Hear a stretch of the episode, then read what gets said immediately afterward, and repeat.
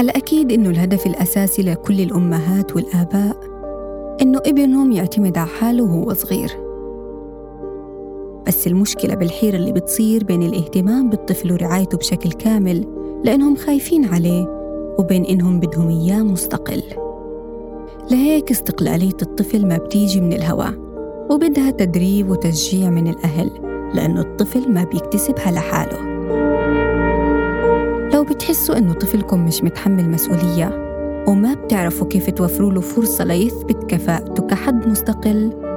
أنا حقول لكم بعض الأشياء اللي حتساعدكم وتساعده في اكتشاف قدراته.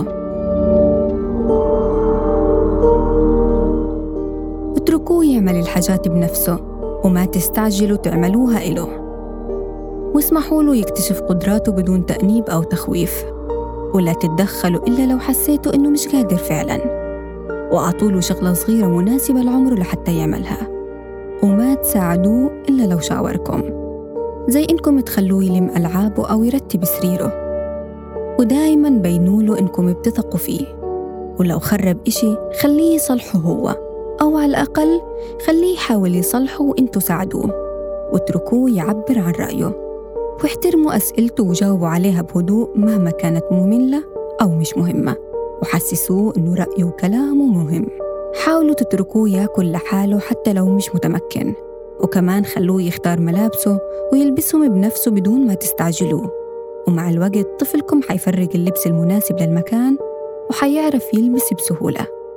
خلوه يجرب شغلات بسيطة زي إنه يسوق بسكليت حوالين البيت مثلا أو يشتري حاجات من السوبر ماركت. ولا تنسوا تخبروه احتياطات الأمان لعبور الشارع. ما يكلم الغرباء ما يغير الطريق عشان يطيعش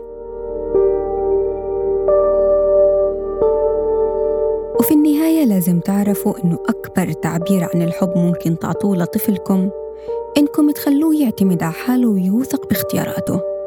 وإن شاء الله حتكون النتيجة مرضية كتير إلكم وإله